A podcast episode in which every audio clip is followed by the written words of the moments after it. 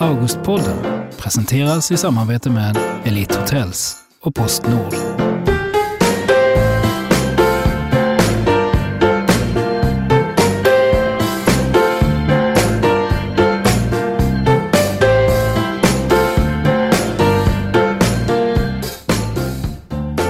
Igår kammade Boksverige luggen och tog på sig finskjortan för att mingla, kindpussas och fira det gångna svenska litteraturåret. Och framförallt de titlar som tilldelades Augustpriset och Lilla Augustpriset. Och så det som var nytt för i år, Svenska förläggareföreningens hederspris som gick till illustratören Ilon Wikland. Jag heter Tara Moshisi och jag befinner mig mitt i en vinnaryra just nu. För här i studion så har jag med mig två av pristagarna. Välkommen hit Emma Advåge. Tack så mycket. Din bok Gropen blev utsedd till årets svenska barn och ungdomsbok. Mm. Stort grattis! Stort tack! Och Magnus Westerbro, välkommen till dig med. Tack. Din bok Svälten blev utsedd till årets svenska fackbok. Just det. Grattis till tack, dig! Tack. Hur glada är ni? Ja, glada. Nu tittar vi på varandra. Ja. mycket glada. Mycket glada. Mm. Hur mycket har ni firat då? Jättemycket känns det som. Um, ja, jag vet inte hur man firar mer och större och bättre och, och, gladare än vad jag fick fira igår kändes det som. Vad hände efter galan? Eh, efter galan och minglet på galan så att säga, så, eller efter galan, så gick vi Eh, mitt förlag tillsammans till eh, ett ställe och firade vidare tillsammans. Och det är ju det är bara glädje överallt och att man får fira tillsammans med, med de som man har jobbat med. Eh, inte bara med just den här titeln utan med, liksom i många år. Att man får mm, fira sitt jobb tillsammans. Det är fantastiskt roligt. Mm. Hur var det för dig då Magnus? Ja, nej men det, jag har liksom firat mycket inombords tror jag. Till det yttre så har jag nog mest, jag gick och la mig ganska tidigt. För sen kunde jag inte sova i och för sig. Sen var jag uppe i sex i morse och jobbat och eh, åkt runt och pratat om boken. Så jag har liksom mest gått omkring och varit glad men till det yttre så har jag inte visat det så mycket. Mm. Men du, vad tänkte du när ditt namn ropades ut igår? Att du, du var vinnaren? Ja... Du tänk, var pristagaren? Ja, ja pristagaren. ja, jag tänkte, äh, vad fan, det var, det var som tusan. Nu svor jag, det jag har lovat att inte göra. Nej, men jag, jag hade intalat mig att jag inte skulle vinna. Jag var helt övertygad om att, att någon annan skulle göra det. Eh, samtidigt som man förstås hoppades att vinna, för det är ju roligt att få det erkännandet. Men jag blev faktiskt genuint eh, överraskad. Jag tänker att vi tar och lyssnar på hur det lät när du höll ditt tacktal. Augustpriset 2018 i kategorin Årets fackbok tilldelas Svälten. Hungeråren som formade Sverige av Magnus Westerbro, Albert Bonniers förlag.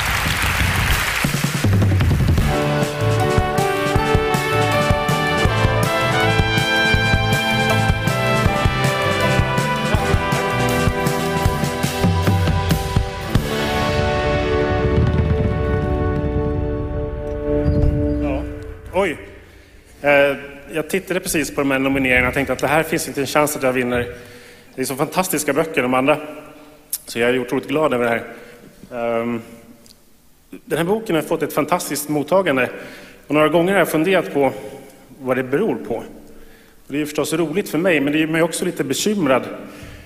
För det tyder på att människor idag är oroliga över samhällsutvecklingen över klyftorna som växer i samhället, över en känsla att 1800-talets orättvisor är på väg tillbaka. Och också en oro över klimatförändringarna som vi ser.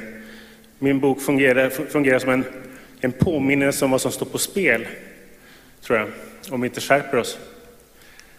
Ehm, det är ungefär det jag kommer fram till. Och sen hoppas jag att den är välskriven också. Jag vill tacka min fru som läser boken Mina manus först och gör dem mycket, mycket bättre än de eh, skulle varit annars. Och så vill jag också tacka de folklivsforskare som på 1920 och 30-talet åkte runt i Sverige och samlade in berättelser från 1800-talet. Det är liksom deras material som jag kunnat använda och vittja. Utan det hade den här boken aldrig hade den blivit av, men den har aldrig blivit så levande och så drabbande som, som, den, som jag tyckte att den var när jag skrev den och som många verkar tycka att den är. Tack! Ja, vi ska prata mer om bokens tema alldeles strax. Men du, jag måste säga, du låter faktiskt genuint förvånad när man lyssnar på det här. ja, men jag, ja, men jag tänkte så att det, det är svårt. När man, jag vet inte, böcker som man har skrivit själv, de förvandlas till någonting avlägset när man är färdig med dem. Uh, och så tycker man att ja, men den här boken, den var ju rolig att skriva, men det är väl ingen som bryr sig om den. Och så verkar alla andra böcker mycket mer spännande för att man har gjort sin på något sätt. Uh, så därför tänkte jag att ja, men Moberg-boken är ju fantastisk och Kerstin Ekmans bok är underbar och Pascalidos bok är så viktig. Så jag tänker att ja, men de här är jag mer nyfiken på. Så det kanske hänger upp med det. Mm. Uh, ja. Och Emma, jag tänker på den här månaden mellan att eh, nomineringarna tillkännages till mm. att eh, galan går av stapeln.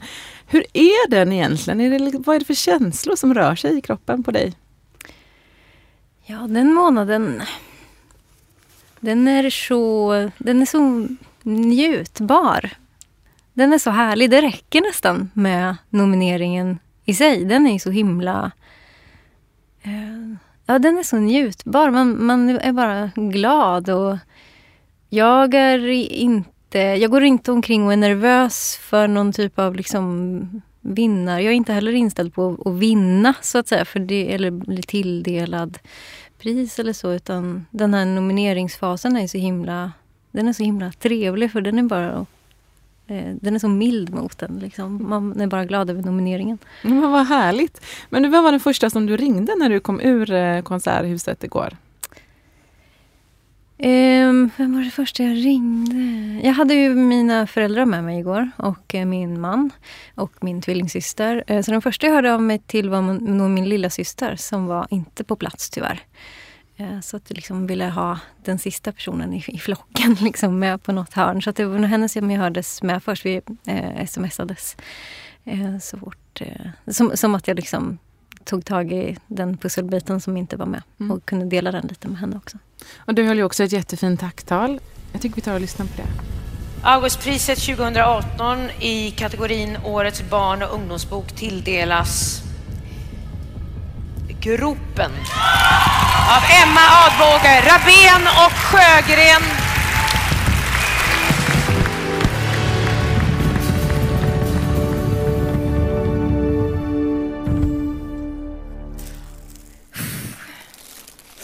Jag är som barnboksförfattare så är man så van vid att välja varje ord liksom på guldvåg, verkligen. Oj. Nu tänker jag välja ett ord så att jag ber vänliga, eller vet du, känsliga lyssnare att hålla för öronen. Men så jävla roligt! Det är inte ofta man får svära när man skriver för barn, men nu... Eh, jag är helt tagen, eh, som ni märker. Men är det någon gång som hon ska vara det så är det väl nu. Moa, vart du nu sitter, Alltså tack för allt jämt. Jag tror jag tittar på dig nu. Min förläggare på Rabén Sjögren som jag jobbat med i många år. Eh, du är en lika stor del av det här som jag tror jag. Eh, tack för att jag får hållas med alla mina maner och idéer och att jag får byta friskt. För det är det som håller mig som författare och illustratör frisk, tror jag. Eh, jag tror att det är jätteviktigt att få ha så fria tyglar som jag får ha hos er. Jätteglad för det. Ehm, tack eh, mamma och pappa som är här ikväll. Ehm, ni är mina största inspirationskällor. Eh, tack Lisen och Ellen, mina systrar, som också är så himla viktiga för mig. Ehm, tack Rickard, min man, som är här ikväll också. Så att du alltid lyssnar på mina idéer och tittar på mina skisser fastän att eh, jag ändå alltid har bestämt mig från början vad jag tycker. Va? Tack mamma och pappa och Ellen och Lisen och Rickard också för att jag har fått växa upp i en grop. Ehm, och då tänker jag på gropen som en plats att vara i, även på ett kreativt plan, även som vuxen person, men också som att gropen är som någon typ av... Det var inte så jag tänkte när jag skrev boken, men som en metafor för Eh, Eh, en plats, en kreativ plats att vara på som inte innefattar kanske matematik, geografi, kemi och de där ämnena utan också liksom de kreativa ämnena som är så himla viktiga för oss. Ehm, tack snälla min familj för att jag har fått vara där i gruppen och, och greja. Eh, det leder ofta till väldigt bra saker, som det här till exempel. Ehm, ja, tack snälla, snälla, snälla ni för det här. Det går ju verkligen inte att ta miste på din glädje här, Emma. Nej, jag hör själv att jag är helt skakig. jag kommer inte ihåg så mycket av vad jag sa förrän nu jag hör nu. Jag tänkte också på pristagaren i årets skönlitterära bok. Mm. Linnea Axelsson höll också ett väldigt, väldigt fint tal. Mm. Och eh, du nämner ju här att eh, du är så tacksam över att du fick leka i en grop. Mm. Och det är ju precis det som din bok handlar om, om eh, ett gäng barn som leker i en grop. Hur kom du på den här idén att det skulle handla om just en grop? Eh, men jag tog det rakt av, liksom från verkligheten. Eh, jag ju, har ju haft den där gropen på riktigt. Det är ju på, på min skolgård och lekte i den som barn. Så det var ju ganska självklart att jag högg den så. Eh, sen har jag förstått att många har någon motsvarighet i gropen. Det är många som har berättat om högar och bortglömda gamla soprum som de har lekt i och sådär, någon motsvar motsvarighet. Då. Eh, men för mig var det ganska självklart med gropen just för att jag hade gropen på riktigt och att den har, ja, men den, den har varit spännande att utforska och skriva om. För jag tänker också, det finns ju en konflikt i det här. Det är ju inte bara att det är så mysigt för dem att leka i en grop. Mm. De barnen älskar ju sin grop. Mm. Men eh, de vuxna är ju inte lika förtjusta i den. De är rädda att barnen ska trilla ner och skada sig och sådär. Varför var det viktigt att få fram den här konflikten i själva gruppen? Ja, men utan, utan konflikt så blir det inte så mycket spänning. Eller liksom, det blir inte så mycket kvar att skriva om då på något sätt om alla håller med varandra från sida ett till sista sidan på något sätt. Um, men jag tycker att det är intressant att se, um, alltså man kan inte förbjuda kreativitet. Um, liksom om, när, det, när, kreativiteten förbjuds så poppar den upp ännu starkare någon annanstans. Och då liksom har det krävts att, att ha någon, någon som motarbetar kreativiteten just i den här boken. Och då, då blev det bara eh, de vuxna. Det kändes ganska självklart. Mm. Att det var de som skulle kunna stå för det. Eh, den motarbetande, den motarbetande kraften. Liksom. En detalj som jag verkligen fastnade för när jag läste boken var ansiktsuttrycken hos barnen. Mm. Hur de så förfasas och de blir glada, de blir förvånade och överraskade. Vad var din tanke med just deras uttryck? Jag är, jag är en iakttagande person. Jag tycker att det är jätteintressant med, och viktigt som illustratör med mimik och ansiktsuttryck och hållning och kroppsspråk och så. Jag tycker att det... Jag nöjer mig inte att rita någon som bara är glad eller ledsen utan jag vill nog... Jag, jag tycker det är intressant med de här små förändringarna i våra kroppsspråk och i vår mimik. Så jag, jag, är väldigt intresserad av det generellt. Så ja, det, det genomsyrar väl liksom mitt sätt att teckna. Ja, det skiftar ju snabbt från sida till sida så ändras det ja, där. Ja, men det är viktigt. Det där är man ju eh, barnen då som inte kan läsa själva, som blir lästa för, de har ju bara bilderna att vila blicken på så att säga. Och för dem ska det ju vara kvalitet. Det ska inte bara vara eh, enkla stereotyper som i form av smileys. Liksom. Mm. Utan det, det, finns så mycket mer i ett ansikte än bara en glad mun. Hörrni, den här sommaren 2018 den kommer ändå gå till historien som en av de varmaste i mannaminne. Jag levde på daimstrut och vattenmeloner. och slogs som en plats i skuggan.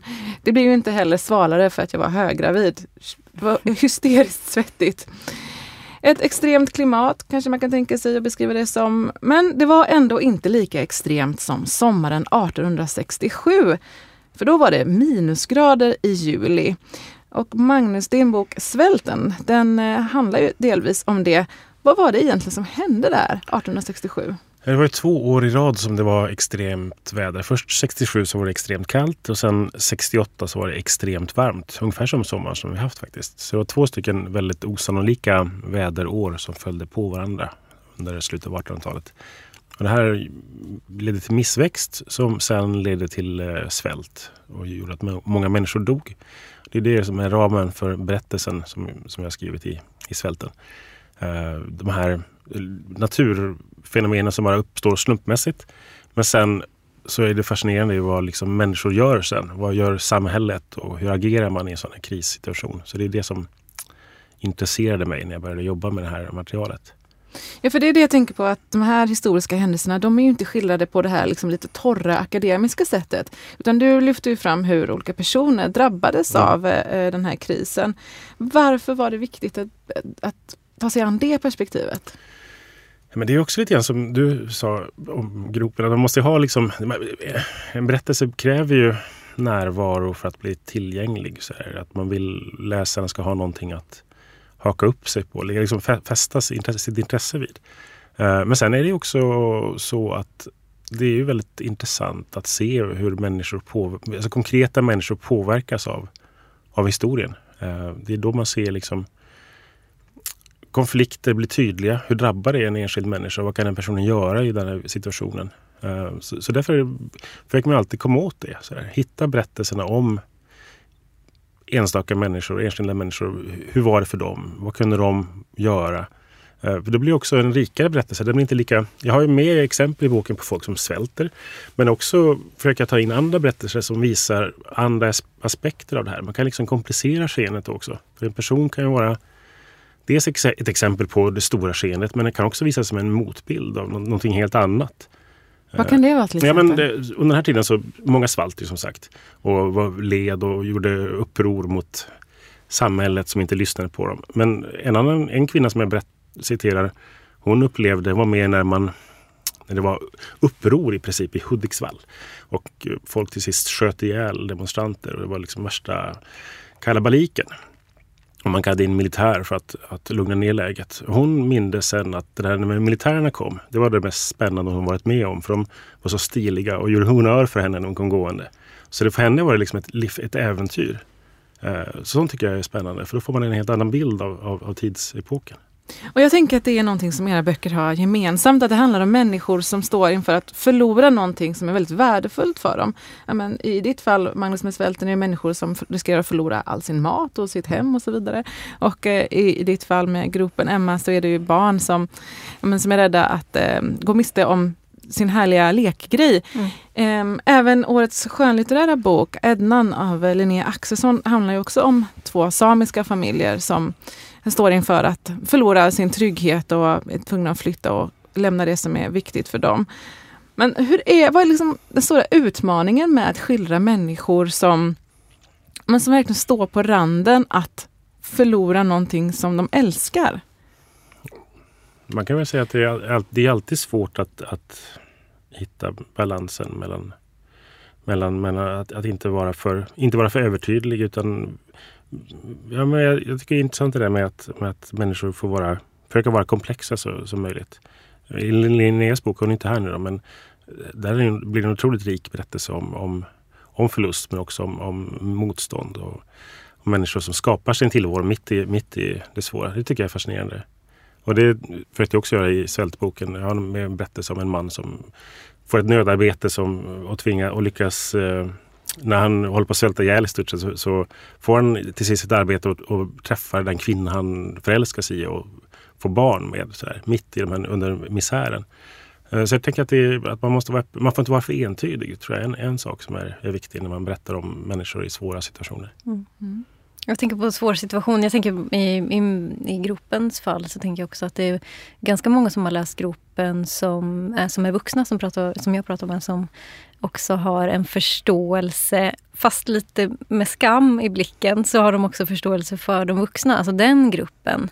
I bokens fall så är det ju vuxna, men det skulle ju gärna kunna spela ingen roll vilken ålder det är egentligen, men att man har förståelse både för eh, att vara i den, den motarbetande, lite rädda på, på den eh, kanten men också, alltså man har varit, det är många som har varit i båda situationerna och att det, eh, ja men det kanske är det som eller skulle kunna vara svaret på frågan i mitt fall, alltså att det är det som är eh, det är inte bara svart och vitt liksom, utan man kan ha förståelse för även Ja, eller som du berättade om den här kvinnan som också kunde tycka att det fanns något spännande i Mm. det som hände och så.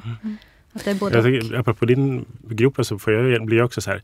Men det är ju faktiskt så att antalet dödsolyckor för barn har minskat de senaste Mm. 30 åren. Mm. Det beror på att man nu- numera har större säkerhetstänkande. Ja, Sådär. ja, men det är dubbelt. Ja. Ja, men jag kände direkt också att jag kunde relatera till de vuxna i boken som är rädda att barnen ska slå sig och om, ja, göra illa sig på olika sätt med den här gruppen. Tänkte jag, skulle, jag skulle reagera precis Mm. likadant. Ja, det är många som säger det. Att, eh, ja, att det är en inre strid liksom, i en. Mm. Och i mig med. Jag är ju både, jag är vuxen liksom. Mm. Mm. Man vill inte att barnen ska dö. Nej, precis. Såklart. Och samtidigt så vill man inte sätta dem i ett liksom, vadderat rum precis, heller. Precis. Under galan igår så fick också illustratören Ilon Wikland motta Svenska förläggareföreningens första hederspris. Hon kunde tyvärr inte vara på plats för att ta emot priset men hennes döttrar och ett av hennes barnbarn de var där.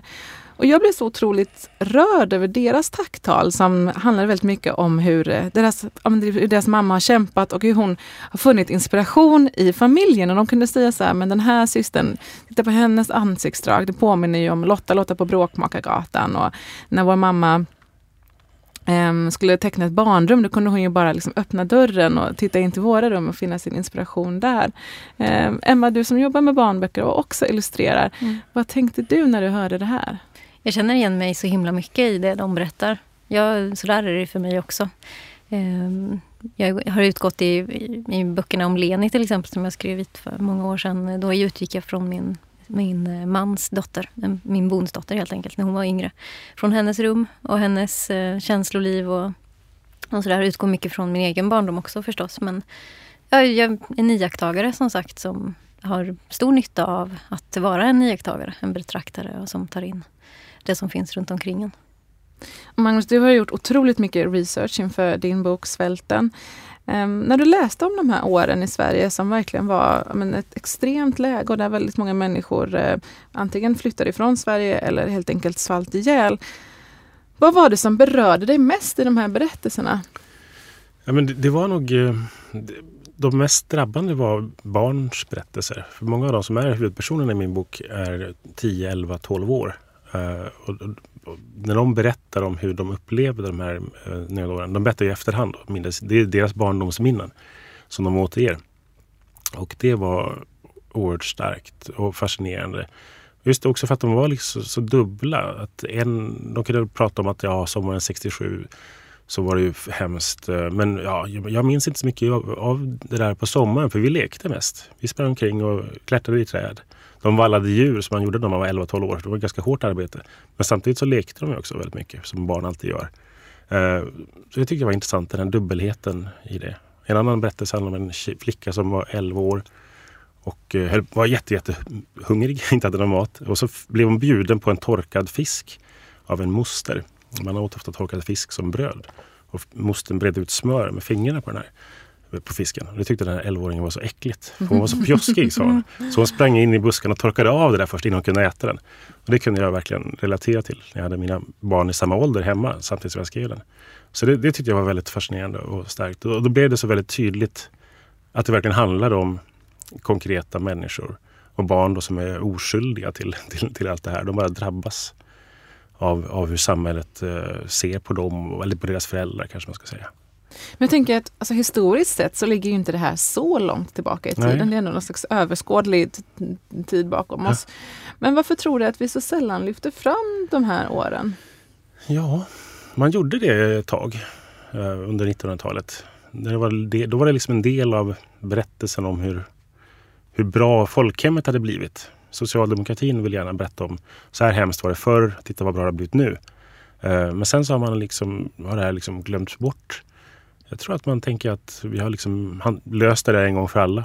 Vi behöver aldrig bry oss om fattigdom längre. Vi behöver inte bry oss om sociala skillnader. Så jag, jag, jag tror att det var så det här är liksom avklarat, tror jag man tänkte.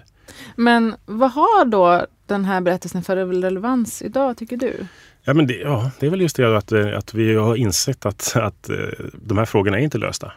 Och det blir ännu tydligare nu när vi har uh, flyktingproblem, liksom flyktingfråga på, på allvar igen och vi har eh, en ny grupp fattiga i landet som syns på ett tydligare sätt än förut. Och det har kommit människor som, som inte riktigt vet hur vi ska hjälpa.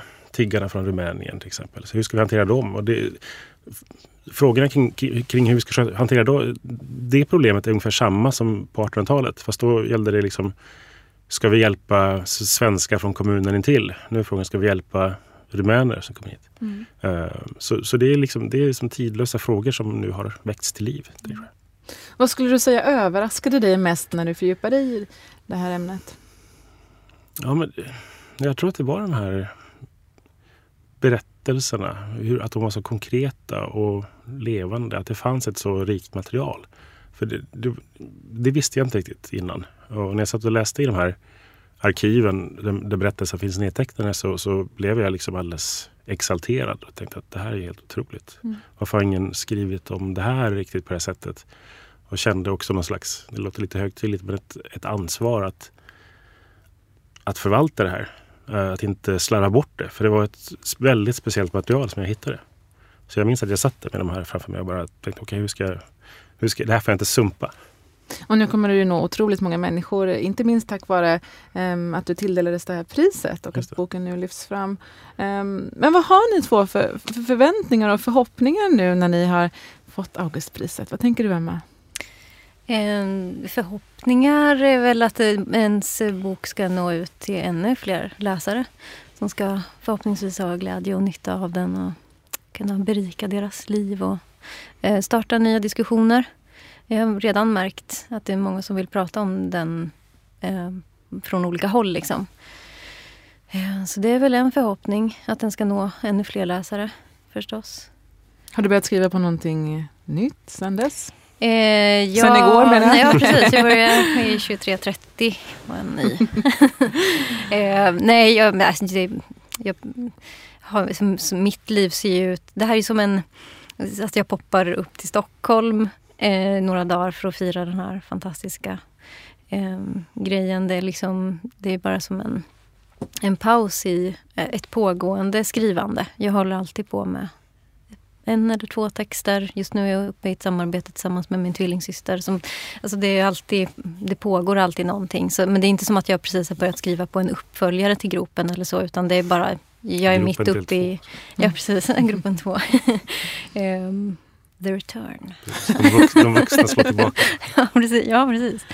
Um, nej, men jag är uppe i, i, i mitt frilansande som jag alltid är. Liksom, så att det är alltid någonting som... Um, det är som att jag har olika post-it-lappar i huvudet som, med saker som ska göras, som, som vanligt. Liksom. Mm. Men kan den här utmärkelsen ge lite extra luft under vingarna? Ja, naturligtvis. Det tror jag. Det är härligt att vara liksom lite extra glad över någonting. Det ger ju alltid energi. Just behöver man, man också i november. Ja, precis. Ja. Och hur är det för din del Magnus? Vad har du för förhoppningar? Ja, men ja, jag är lite så här. Jag hade inte riktigt, fatt, riktigt, inte riktigt fattat hur stor grej det är eller hur stor grej folk tycker att det är. Jag vet inte riktigt hur, hur stort Augustpriset egentligen är men det verkar som att alla är överens om att det är en, en jättesak. Så, så jag, är lite, jag vet inte riktigt vad jag ska förvänta mig av det här. Jag tycker, grejen var att alltså, den här boken har nått oerhört många redan.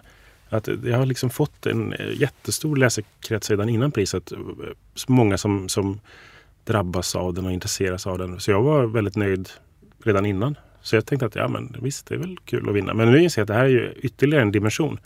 Och inser att, att, och, och att på förlaget så tänker man att nu kommer den nå ut till många, många fler. Så ja, det ska bli spännande. Men varför tror du just att den här boken har väckt så stort intresse bland läsarna?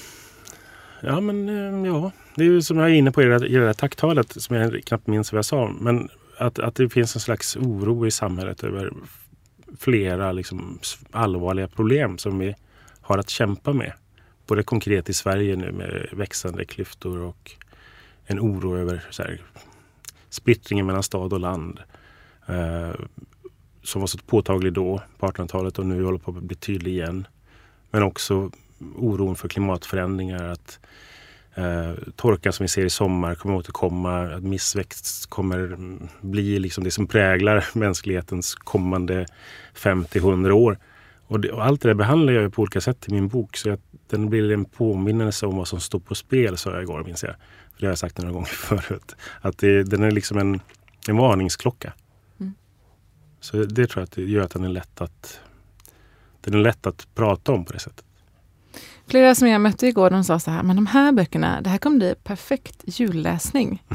Och det tänker jag också, att så här, när man har liksom knäckt eh, färdigt sina nötter och druckit upp sin glögg och så sitter man där och pöser i soffan. Då är det perfekt att plocka upp just de här böckerna. Och läsa om svält efter julbordet. så att man får riktigt dåligt samvete över allt frosseri som man har ägnat sig åt. Ja. Nej, men också förstås eh, Linnea Axelssons Ednan som mm. är en mm. fantastisk skönlitterär bok. Fylld med känslor skulle jag säga. Mm. Mm. Okej, Emma Adbåge och Magnus Westerbro, tack snälla för att ni kom hit till Augustpodden. Tack så mycket. Och tack till dig som har lyssnat. På återhörande.